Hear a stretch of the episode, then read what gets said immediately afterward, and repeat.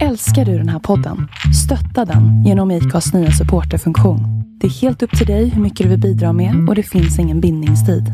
Klicka på länken i poddbeskrivningen för att visa din uppskattning och stötta podden. I'm Sandra, and I'm just the professional your small business was looking for. But you didn't hire me because you didn't use LinkedIn jobs. LinkedIn has professionals you can't find anywhere else, including those who aren't actively looking for a new job but might be open to the perfect role, like me.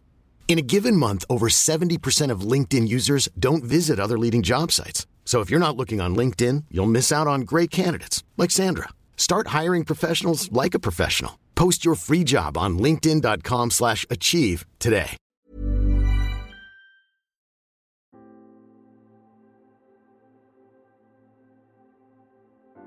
Nyligen hade jag förmånen att få lyssna till Thomas Sjödin. Som en av mina stora inspirationskällor och förebilder så var det knappast första gången jag fick göra det. Men den här gången var någonting annorlunda. Det märktes i hans gester, i hans tonläge och framförallt i språket han använde sig av under sin predikan. Efter en stund slog det mig. Det där som var så annorlunda. Vi befann oss i Pingstkyrkan i Kramfors. Den församling som han döptes i som nioåring.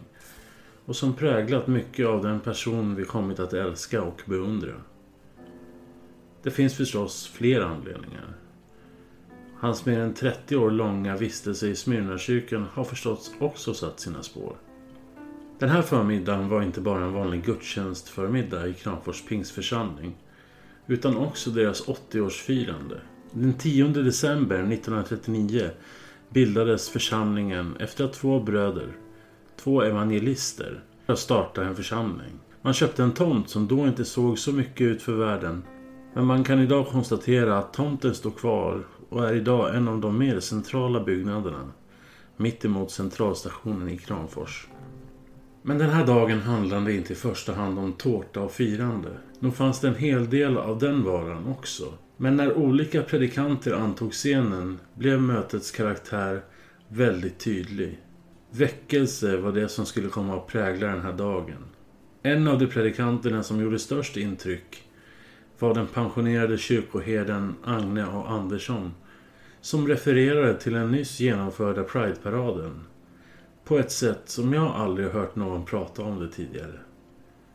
Istället för att nedvärdera och förkasta deras parad valde han istället att se på det med en självkritisk ton. Han pratade om att dörren till kyrkorna endast stått på glänt när de egentligen borde ha varit vidöppna. Vidöppna till friheten. För bara genom Jesus kan vi uppnå friheten, avslutade han. Thomas Sjödin fyllde sedermera i sin predika på samma känsla av väckelse. Han sa Kyrkan är inte ett bihang till världen. Det är världen som är ett bihang till kyrkan. Det kan låta som ett ställningstagande kring vem som ska bestämma. Men så var definitivt inte betoningen. Inte en hård fasad. Om att det är vi som bestämmer. Utan en välkomnande doft som bygger på kärlek. Vi genom Jesu kropp välkomnar människor i den enda kärleken som existerar. Den helt genuina och obligatoriska ur våra ögon sett. Tillbaka till firandet av Pingstkyrkan i Kramfors.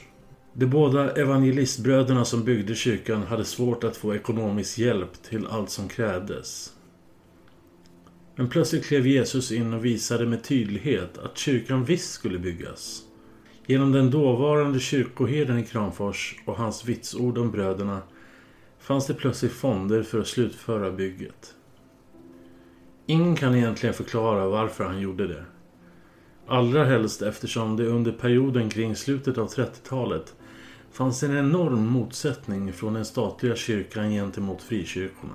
Men kanske hade han också läst Paulus ord från Korintierbrevet. Men i vår Herre Jesu Kristi namn uppmanar jag er, bröder, att vara överens och inte dela upp er i olika läger utan återigen stå eniga i tankar och åsikter. Det går bara att understryka det Paulus förmedlar i det enda brevet där han inte bär med sig hälsningar.